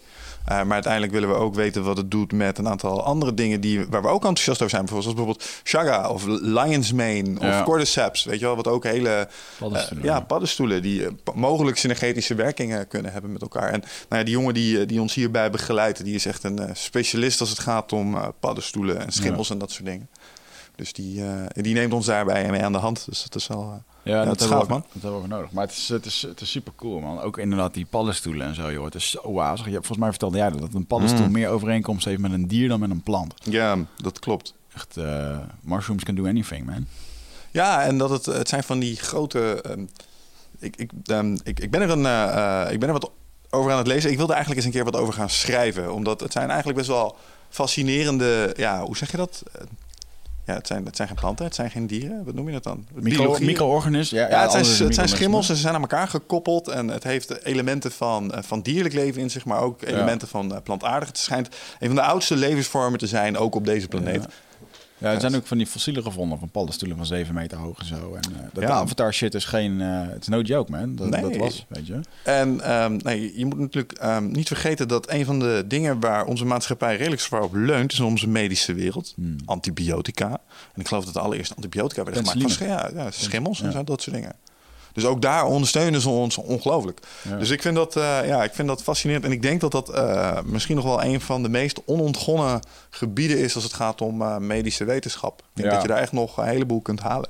I agree, man. Daar, ja, dat vind ik wel lachen. Is een leuk pad om te bewandelen. En, het is gewoon pionieren, man. En ik vind het leuk, weet je. Ja, nou, wat mij wel aanspreekt aan dat microdose is dat het eigenlijk het combineert een stukje, zeg maar, ze proberen te optimaliseren. En ze, ze, eh, ze zijn niet bang om alles wat daarbij helpt aan te grijpen. Want als jij tien jaar geleden had gezegd, ik ga LSD nemen voordat ik naar het werk ga, hadden mensen je echt heel vaak aangekeken. Van, weet je dat wel echt heel zeker? Eh, en eh, daar is nu een, een cultuur en een soort eh, omgeving waarbij je dus volledig kunt experimenteren met alles wat werkt voor je. Ja. En ehm, wat ze ook doen zijn is eh, transcranial simulations. Zetten ze van die elektroden op de kop, zeg maar, om meer concentratie te krijgen. Ja, ja, sommige mensen, voor sommige mensen werkt dat. Dave Asprey is daar ook een hele tijd heel druk mee geweest. En ik vind het zo mooi dat al die dingen, een beetje als MMA, die het echt doen, die komen nou naar boven dobberen. En Ja. hey, who knew? Deze shit werkt blijkbaar. Want nou ja, het wordt best wel op grote schaal eh, toegepast. En nou ja, wij proberen dat nu ook op, op allerlei manieren in ons leven een plekje te geven. En, nou, ja, ayahuasca Hmm. is natuurlijk eh, voor de mensen die luisteren naar de podcast wel een van de meest prominente voorbeelden. Ja. Maar het kan ook in allerlei Ja, maar- mindere mate natuurlijk. Ja, moet je je voorstellen dat je dat dus, eh, dat je een deel van die ayahuasca, wat je zo goed laat voelen, wat je een beetje als de observeerder laat kijken naar de wereld en niet Dat alles persoonlijk neemt, dat je, eh, wat dus eigenlijk gewoon het serotogene stuk aanspreekt, Mm. dat je dat gewoon dagelijks eh, eh, tot je zou kunnen nemen, zonder dat je daar echt eh, ja, niet meer van kan fietsen, bij wijze van spreken. Ja. Eh, ik denk dat dat, eh, ja, ik vind het cool. Of, of van over je nek moet of wat dan ook. Ja, Ja, zeker. Ja, dat moet helemaal niet. nou, dat was even mijn zorg. Ik bedoel, jij bent natuurlijk iemand, jij hoeft van, je, van een, een kop ayahuasca niet meer over je nek. Daar hebben we ook een lang gesprek over gehad. Mm. Ja. Ehm, en voor mijn lichaam, ik heb er veel minder van gehad. Dus ik was ook wel even benieuwd hoe ik erop zou reageren. En een van de eigenschappen die het heeft, is natuurlijk het purgen en dat soort dingen. Mm. Niks van dat. Ik heb Nee. echt geen, geen moment misselijkheid of eh, wat Het is, is wel bijzonder, hè? want ik heb dan, eh, ik, ik weeg nu 80 kilo, jij weegt? 93. Ah, oké. Ja, dat is toch wel, eh, ja. En gaining weight. Ja, het is toch, ja, het is druppeltjes en per persoon verschillend. En het, het, heeft me wel, het heeft me ook wel gefascineerd en ergens ook wel beangstigd dat één zo'n druppeltje, want we zijn hiermee aan wezen testen en eh, er zijn ook wel een keer momenten geweest dat ik dacht, holy shit, dit, eh, dit was duidelijk te veel. Dat halve nu, eh, pipetje nam. Nee, ja, nou dat. Nee, dus die, er is iemand anders bij betrokken, dat ga ik even niet vertellen. maar het was wel een mooie openbaring. Ga niet naar openbare plekken als je dit soort dingen Ja, ja, eh, ja, probeert. That's the rule eh, vanaf nu. Maar eh, nee, ja, weet je, en ja, dit is biohacking, jongens. Dit is gewoon een stukje proefkonijn zijn op jezelf. En, en- maar ja, wel met de wetenschap dat. ehm, ehm, je weet dat dit bijvoorbeeld in een kop ayahuasca zit, maar dan je kan heel altijd heel goed ehm, eh, bekijken in verhoudingen. Dus hoeveel is dit dan in vergelijking tot een kop ayahuasca? Ja, dat is druppelwerk, weet je wel. Ja, en het is natuurlijk ook kijken wat de interacties zijn met, eh, met, met andere substanties. Ja. En natuurlijk, eh, want dat hoort er ook bij op het moment dat je zo'n supplement eh, op de markt brengt, dat je daar allerlei toxicologisch onderzoek naar gaat doen. Ja. Vooral op het moment dat je het gaat combineren met allerlei supplementen. Ja, nou weet je, en als de tijd, eh, eh, als dit product zou slagen en zo, dan eh, vind ik dat wel mooi. Met Onnet, die begon ook met Alpha Brain. Wisten ze ook, het was een product, het was een idee. Ja. Het werkte, alleen eh, ja, er is geen wetenschap op. Eh, dus op een gegeven moment, als er geen wetenschap op wordt gedaan, dan is er maar één optie. En dat is dat je zelf dat soort onderzoeken gaat doen. De clinical trials eh, die zouden op termijn gewoon kunnen komen. Ja. Jazeker. Nee, dat, dat, dat lijkt me eh, een van je eerste doelen om, om zo'n product ehm, bestaansrecht te geven Ja. ook. Dat je daar gewoon slimme dingen in gaat doen. Ja, Maar zeker. ik verwacht in dat opzicht dat... want we zetten het nu in als een... nootra- Hoe zei dat? Nootropic. Nootropic. We zetten het nu in als een nootropic. Maar tegelijkertijd ehm, kan ik me voorstellen dat in combinatie met eh, andere bestandsdelen... dat het ook een moodlifter kan zijn. Ik, ik heb me altijd gefascineerd over het feit... als je kijkt naar de producten die bij ons goed verkopen... Is ook een, is ook een nootropica, toch? Voor, zo, voor- voor, voor mij valt bijvoorbeeld een nu. Ja, oké. Maar Ik snap heb wat je bedoelt. ja. Niet, niet van focus naar eh Feel good. andere. Ja, Ja, sluit aan bij wat jij net over dat serotogene hebt. Het is een nieuwe mood. Ja. 5 HTP. En het is wel grappig. ehm, soms zit ik te neuzen in onze orders. En dan valt mij op dat New Mood echt heel vaak wordt gekocht door vrouwen van middelbare leeftijd. Hmm. Net tegen de, achter tegen de 40 gaan. En eh, ik heb gekeken waarom dat is. Overgang? Overgang. Ja. 5 HTP. Eh, dat helpt met de mood swings. Ja. En ik kan me echt voorstellen dat, ehm, dat eh, het effect dat het op mij had, is het, zeg maar, het emotionele component. werd op een prettige manier zeg maar, eh, gerelativeerd op een of andere manier. Daar werd ik bij geholpen. Dat was het gevoel wat ik dan overhield. Dus ik kon Ja. veel nuchterder en veel minder rrr, kon ik naar iets kijken wat, wat er werd gezegd. En ik kan me voorstellen dat als je dat combineert met 5 HTP, dat en het reduceert de stressperceptie en het, het gaat ondertussen je zichtgene systeem aanzetten of activeren, hoe je dat Ja. net zo mooi zei. Snap je? En op die manier kun je dus mooie combinaties gaan maken. Maar ja, goed. ja, dus iedereen die een vrouw heeft tegen de 40, eindbazen, kortingcode bij Ja, die een beetje zweetaanvallen begint te krijgen. go, Haargroei go ahead. op de lip. Order your things. Hey, ehm, jij bent ook eh, lekker bezig geweest. Thank you. Want, eh, of tenminste, we zijn ook bezig geweest met jouw roadmap. Zeker. En, eh, jij hebt een mooie reis gehad met 12 Waves, eigenlijk de afgelopen twee jaar al wel. Ja, Eh, en uiteindelijk zijn we nu lekker aan het masterminden. Wat eh, ontzettend goed loopt. We zijn een tweede groep aan het opstarten in Amsterdam. De eerste groep die zit gewoon vol. En dan wordt die gewoon iedere zes weken geknald over iedereen zijn doelen en dingen. Dat is wel intens werken trouwens. ja, het is wel pittig zo'n dag, ja. En eh, wat iedereen doet, krijgt 20 minuten de tijd om even te schieten over zijn uitdagingen in het leven of in het ondernemen of in het carrière maken. Ehm, daar gaat het toch wel meestal over. Het is niet dat we hier allemaal zitten te praten over hoe het ons leven is of hoe mooi, maar gewoon eh, hè, er worden doelen gesteld en eigenlijk wordt er ook verwacht dat je, ehm hoef je niet meer uit te leggen dat als je succesvol wil zijn, dat je met doelen moet werken. En om dat uit te spreken aan anderen en te werken met het, eh het 12 gedachtegoed, waarbij je verantwoording moet gaan afleggen aan, aan anderen. Hè, bijvoorbeeld door daily stand-ups en zo. Er zit er gewoon in één keer een heel, een, echt een stok achter de deur. En eh, er worden sowieso mooie resultaten mee geboekt, eigenlijk in de eerste zes weken al. Het is leuk om te zien hoe zo'n groep mensen eh, stappen beginnen te zetten op iets waar ze eigenlijk al die tijd al mee aan de slag wilden. Ja. Maar een heleboel mensen zitten vast van, mm, Ja. ik durf niet, weet je wel. Die staan aan die afgrond en die durven het sprongetje erover niet te maken of zo. En zo'n groepje is dan vaak het duwtje wat ze nodig hebben. Ja, ja en het triggert mij ook wel om. eh, want ik zie sommige gasten in één sprintjes trekken. En dan denk ik, hey, fuck, jij doet het wel. Eh, hmm, weet je, dat is Ja. goed. Ja, zo werkt het ook. Nou ja, wat, wat we zeiden, er zitten sommige mensen in onze mastermind die doen ons denken aan onszelf. En ik aantal jaar geleden. En dan kijk je van ja, die honger, dat hadden wij ook, zeg maar. En dat moeten we niet vergeten dat dat er gewoon is. Het inspireert je. Wil jij wat vertellen over eh, het boek waar jij mee aan de slag gaat? Of wil je dat nog eventjes eh, op de achtergrond houden? Voor de- Ehm, voor de nee, ja, nee, wil ik wel iets over vertellen. Ehm, ik ben natuurlijk, ehm, ik, ik heb dit volgens mij wel eens eh, vaker verteld. In ieder geval aan mensen, maar misschien was het leuk om op de podcast te vertellen. Ik ben het afgelopen jaar heel erg druk bezig geweest met eh, 12 Waves online. Ehm, eigenlijk zou je dat kunnen zien als mijn boek. Wat het is, het is een hele set aan trainingen gebaseerd op het gedachtegoed dat we de afgelopen paar jaren ehm, eigenlijk hebben opgedaan hier. En ehm, nou ja, het is eigenlijk eh, mede dankzij Wichert eh, dat dat eh, uit de grond is gekomen. Omdat, ehm, zoals ik het wel eens zeg, is ondernemen met Wichert is soms een beetje als in een vliegtuigje zitten met z'n tweeën. Even een dutje doen, wakker worden en de piloot is weg en de laatste parachute ook. En je redt de moment. Ehm, die meneer eh, die vond namelijk dat ik een keer... eh, het werd eens tijd voor een online training, had hij bedacht. Ja. Eh, en Michel had een mooi concept en ging niet snel genoeg. Dus wat had meneer gedaan? Die had op een gegeven moment een keer een marketingcampagne in het geniep gepland. En ehm, we zouden gaan starten met 12 Waves online in juli. En dat kondigde hij in mei aan, zonder mij daarover te verwittigen. En Toen kwamen de verkopen. toen werd het plots het een en ander verkocht. en toen moest ik gaan leveren. En ehm, completionist als ik ben, ehm, had ik me er vanaf kunnen maken met een paar eh, makkelijke video's. Maar ik dacht, oké, dan gaan we het ook gewoon goed doen. Want ik had al eens een keer een e-book uitgebracht van een aantal pagina's. Wat een soort samenvatting was van alle artikelen die ik al eens een keer had geschreven. En daar zitten alle concepten in die ik aanhang, zoals evolutionaire bagage, eh, roadmap thinking, workflow, werken in golven. Wordt er allemaal in aangeraakt. Maar er zaten nog onderdelen in waar ik dacht, nou, zeker met dat je die video's aan het maken bent. En je bent al die online trainingen ben je aan het inspreken. denk je, ja, dit moet ik nog vertellen. En dit moet er nog bij in. En dat zou ik nog moeten benadrukken. Dus ik heb inmiddels een hele lijst met allerlei dingen die ik er nog aan zou willen gaan eh, toevoegen. En eh, ja, dat is eigenlijk een beetje hetzelfde verhaal als, eh, als jij in dat opzicht. Eh, het is nu tijd om het allemaal samen te gaan voegen. En er eens een keer eh, een mooi echt boek van te gaan maken. Ja. En ik ga dat eh, parallel doen met een ander project. En daar komt iets samen, eh, wat jij ook wel eens een keer ehm, eh, hebt gezegd. We hebben een heel mooi plannertje. Zeg maar, dat, dat had jij toen, weet je dat nog? Dat je dat vertelde, die productivity planner.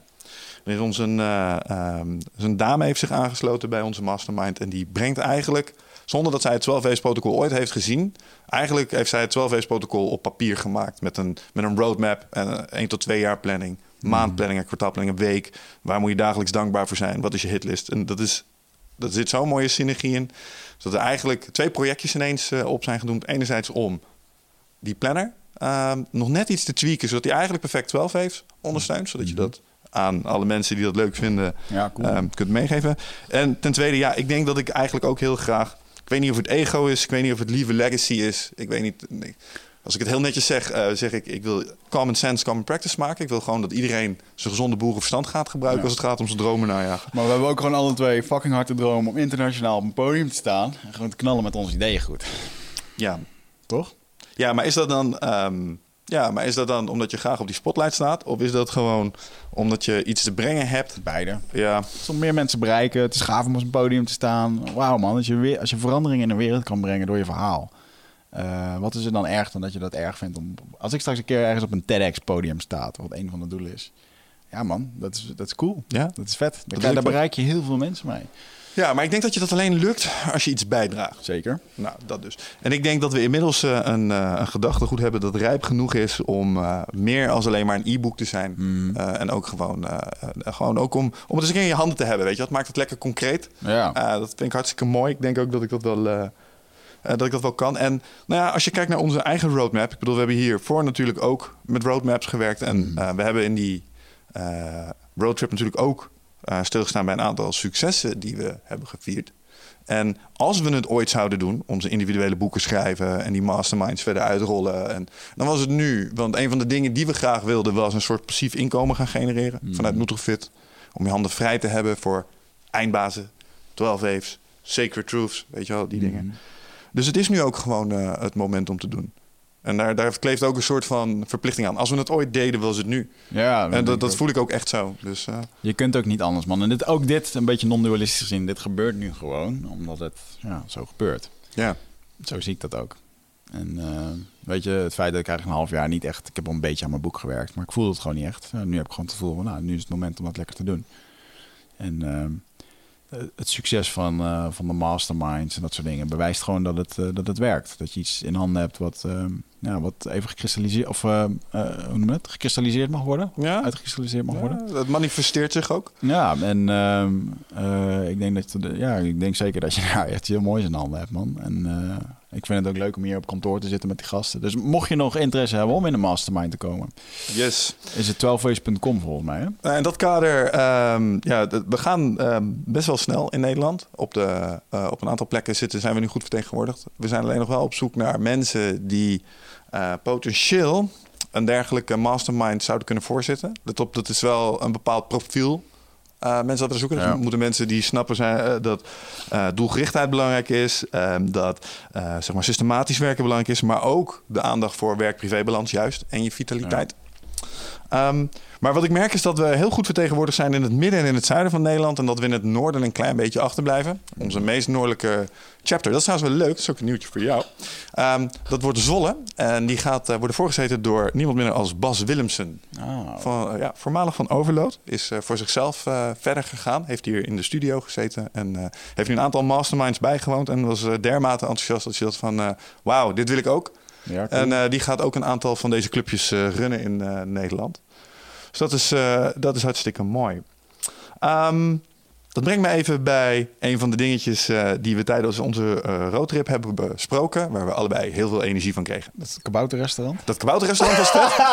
Misschien moet je dat idee nog even pitchen trouwens hier. is dat een goeie? Ik heb niet meer nou, nee, dat tijd, echt- Ik moet zo meteen een, Nee, eh, ik nee. moet over een kwartiertje weg. Lukt dat nog dan? Nee, dan gaan we het nu hebben over het andere ding. Namelijk eh, de grote eh Wigget en Michel show. A.k.a. Ah. de grote eindbazen show. Dit wordt lachen, ja. Ja, wat hadden we bedacht? Wij eh, wilden heel graag een evenement doen en ehm, ja, we zitten, we zitten langer te kijken. Wat is nou een goed evenement? Ik zou heel graag nog een keertje een carré willen, vol willen hebben en dan met allemaal eindbazen die 20 minuten even praten en zo. Perfect. Uh, carré is misschien wat, Ja, dan zit het toch klein te denken misschien. Misschien toch te groot. Nou, anyway, in ieder geval maakt niet uit waar het is. Maar wat we heel graag willen doen... We gaan de grote Wigert en Michel show... Of de, ja, de grote eindbazen show, zo gaat het ook heten. Die gaan we organiseren. En het wordt eigenlijk een, eh, een stuk... eh, ja, een beetje stand-up comedian-achtig iets. Gewoon een show die Michel en ik aan elkaar praten... waar we zelf ook ons eigen praatje doen. En dan willen we een aantal eindbazengasten... eh, willen we daarin betrekken. Ehm, we gaan- doen nog maar even geen namen noemen. Voor, eh, maar goed, dat die dan bijvoorbeeld 20 minuten een invulling geven en, en praten over een bepaald thema. Dan denk ik dat dat. eh, Denk aan een eh, vlotter TED, eigenlijk. TEDx, TEDx is, eh, is vet, weet je wel. Om Mhm. ooit op een TED-podium te staan. Dat is Ja. denk ik voor ons allebei wel een ambitie. Dat Ja. moet ook zeker gebeuren. Maar TED heeft tegelijkertijd een air van... Het is heel serieus. Ja, Ze zeker. neemt zichzelf eh, ernstig. Ja, ja, en daar kun, je geen, eh, geen, daar kun je geen grappen mee uithalen. En Nee. ik denk dat, het- dat, dat iets wat wij erin kunnen leggen voor onszelf... is dat het TED daar- kon zijn met, met, met iets meer een knipoog misschien. Bij TED zou je niet gemicrodosed op het podium kunnen staan. Bij ons. Graag zelfs. Delen. Dat zou mooi zijn. Dan zit, dan zit iedereen die dit nu luistert, die zit straks die show te kijken en denkt... Zou die hij zijn? Ja. Hij is high as fuck. Kijk die Michel dan. Zo, ki- zo kijk ik ook naar Joe Rogan. Ja, ja, ja. Die komt die podium op en vaak zegt hij het ook nog. Dude, I'm high as fuck. En dan begint hij gewoon twee uur lang te praten. Dus eh, het kan wel. Maar zeker man, ik, ehm, ja, dat lijkt me lachen. En eens even kijken welke eindbazen we daarvoor kunnen trekken. En ehm, eh, wat me ook wel cool lijkt. Ja, en dat gaan we gewoon eventjes doen. We gaan vast eventjes een, eh, een pagina aanmaken bij ons... waar mensen zich een e-mailadres kunnen achterlaten of dat Ja. er interesse is. Die maken we wel eventjes aan. En, we- en dat, dat planten we wel eventjes op de voorpagina van de eindbazen. Ja. En dan, eh, ehm, dan kun je je daar opgeven als je interesse hebt. En dan eh, voor de early bird korting of zo voor kaartjes. Ik, eh, ik weet niet hoeveel mensen, lijkt me leuk. 150 is wel het minste wat we willen hebben in de Ja. zaal. Maar als het er meer kunnen worden, is het ook helemaal top. Leuke toevoeging nog. ehm, die we, een, een idee waar we ook mee lopen te spelen is dat los van de 20 minuutjes praten, om uiteindelijk de mensen die we hebben uitgenodigd ook nog even op het podium te zetten in een soort van panelvorm. Gooi allemaal microfoon door en dan doen we een soort live podcast in combinatie met het publiek. Dus een combinatie van vragen en input vanuit Ja. de sprekers. Om gewoon nog een, eh, nog een half uurtje, drie kwartier gewoon een, eh, een leuke live eh, podcast op te nemen. Ja, ja. Ik denk dat dat ook het moment wordt waar ik voor het eerst met een, op het podium sta met een toy. Mooi zijn. Ik hoop toch wel iets eerder. Ja, ja, ja weet ik niet. Of ik met die... Ja, moest, ik moest wel heel erg lachen. Ik heb heel erg. ehm, eh, ik, heb, ik heb echt gezien in die jungle, in mijn ayahuasca-ceremonies, dat ik op een podium sta met die toy. En alleen niet die met. Niet met die toy op mijn hoofd. Oh.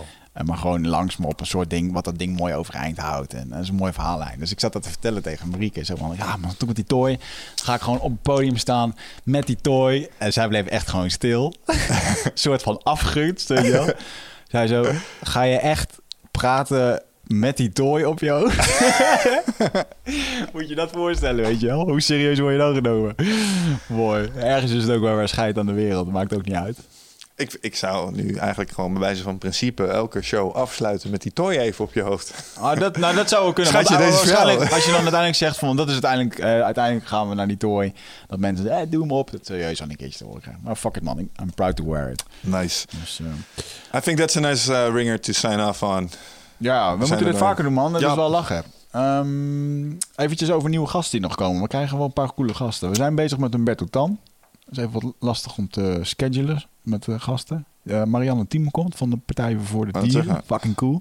Dat, en dat is onze eerste Tweede Kamerlid. En ehm, eh, dat is eigenlijk, ik zie dat echt als een mijlpaal voor eh, een Willem-Alexander die ooit nog een keer hier komt. Ja, als je nou over roadmap thinking hebt, die meneer zouden we eigenlijk toch wel heel graag nog een keer ook Ja, spreken. nummer 1000, dat zou kicken zijn. Dat zou mooi wezen. Ja. Dus dat zou dan over, als we, de, als we de nummer 1000, dan moeten we, wel, eh, moeten we wel een paar jaar dit nog doen. Ja, of twee keer per week. Dat is ook nog een ding geweest. Hè? We zouden heel graag twee keer per week willen releasen, een podcast of zo. Want eigenlijk wel. is het gewoon wat gek dat we dit gewoon kunnen doen voor onze... Je leeft hier gewoon van ook. Toch lachen. Ja, ja, dit is mooi man. Dit moeten we niet vergeten. Never forget. Never forget. Right man. Eh, ja, dat was hem. Volgens mij hebben we eventjes nu niks nieuw. Eh, we staan binnenkort nog op het handcollege, jongens. 20 Oh ja. juni. Live crafting seminar. Oftewel, hoe je je shit op orde krijgt. Ben je een student, zit je op het hand. Eh, dan kan je daarheen komen. En ehm, het staat ook op onze Facebookpagina. Moet je maar even terugscrollen als je het niet kan vinden. Ehm, en daar gaan we praten over eh, allerlei dingen. Yes, daar gaan we waarschijnlijk, trouwens, dat kunnen we hier dan ook nog wel eventjes pitchen. Ehm, wat we daar waarschijnlijk gaan lanceren, maar als je deze podcast luistert, dan ben je gewoon iets eerder privy, eh, met Young Guns.